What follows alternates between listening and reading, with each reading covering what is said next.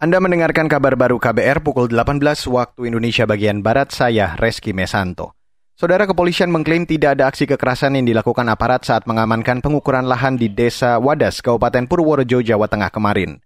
Juru bicara Mabes Polri Ahmad Ramadan menyebut, pengamanan dilakukan sesuai dengan standar operasional prosedur di lapangan untuk memastikan tidak terjadi penggunaan kekerasan ataupun pelanggaran personil Satgas yang melaksanakan PAM. Seluruh tim pengukur dan tim Satgas pengamanan pada pukul 17.00 meninggalkan area Desa Wadas dengan lengkap dan aman. Selama pelaksanaan pengukuran tahap 1, tidak ada terjadi kekerasan anggota Polri kepada masyarakat dan kegiatan berjalan lancar. Ramadan mengklaim pengamanan pengukuran lahan berjalan kondusif. Ia berdalih Satgas Gakum hanya menangkap kelompok-kelompok yang kontra dan memprovokasi warga yang akan diukur bidang tanahnya. Kata dia, polisi telah mengembalikan sejumlah orang yang ditangkap kepada keluarganya. Sementara itu, Gubernur Jawa Tengah Ganjar Pranowo mengklaim selama ini Pemprov telah membuka ruang diskusi bersama Komnas HAM dan menerima aspirasi warga Wadas yang menolak pembangunan bendungan bener ia menyayangkan pengukuran tanah di daerah tersebut kemarin berujung kericuhan antara warga dan aparat kepolisian. Karena kejadian kemarin mungkin ada yang merasa betul-betul tidak nyaman.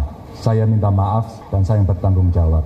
Yang kedua, kemarin malam saya cukup intens komunikasi dengan Pak Kapolda, Pak Wakapolda, intens sekali untuk memantau perkembangan yang ada di Purworejo, wabil khusus di Wadas. Dan kami sudah berkomunikasi dan sudah bersepakat, masyarakat yang kemarin diamankan insya Allah hari ini akan dilepas untuk dipulangkan.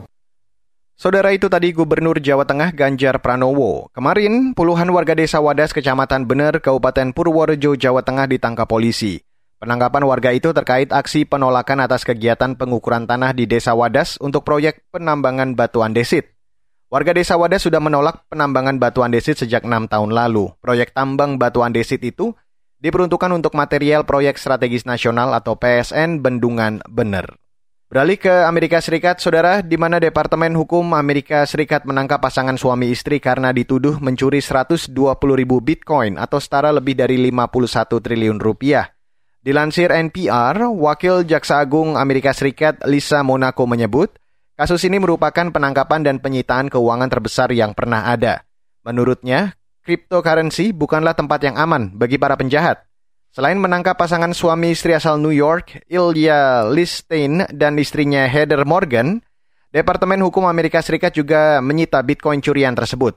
Akibat kejahatan pencurian Bitcoin ini, keduanya terancam hukuman 20 tahun penjara.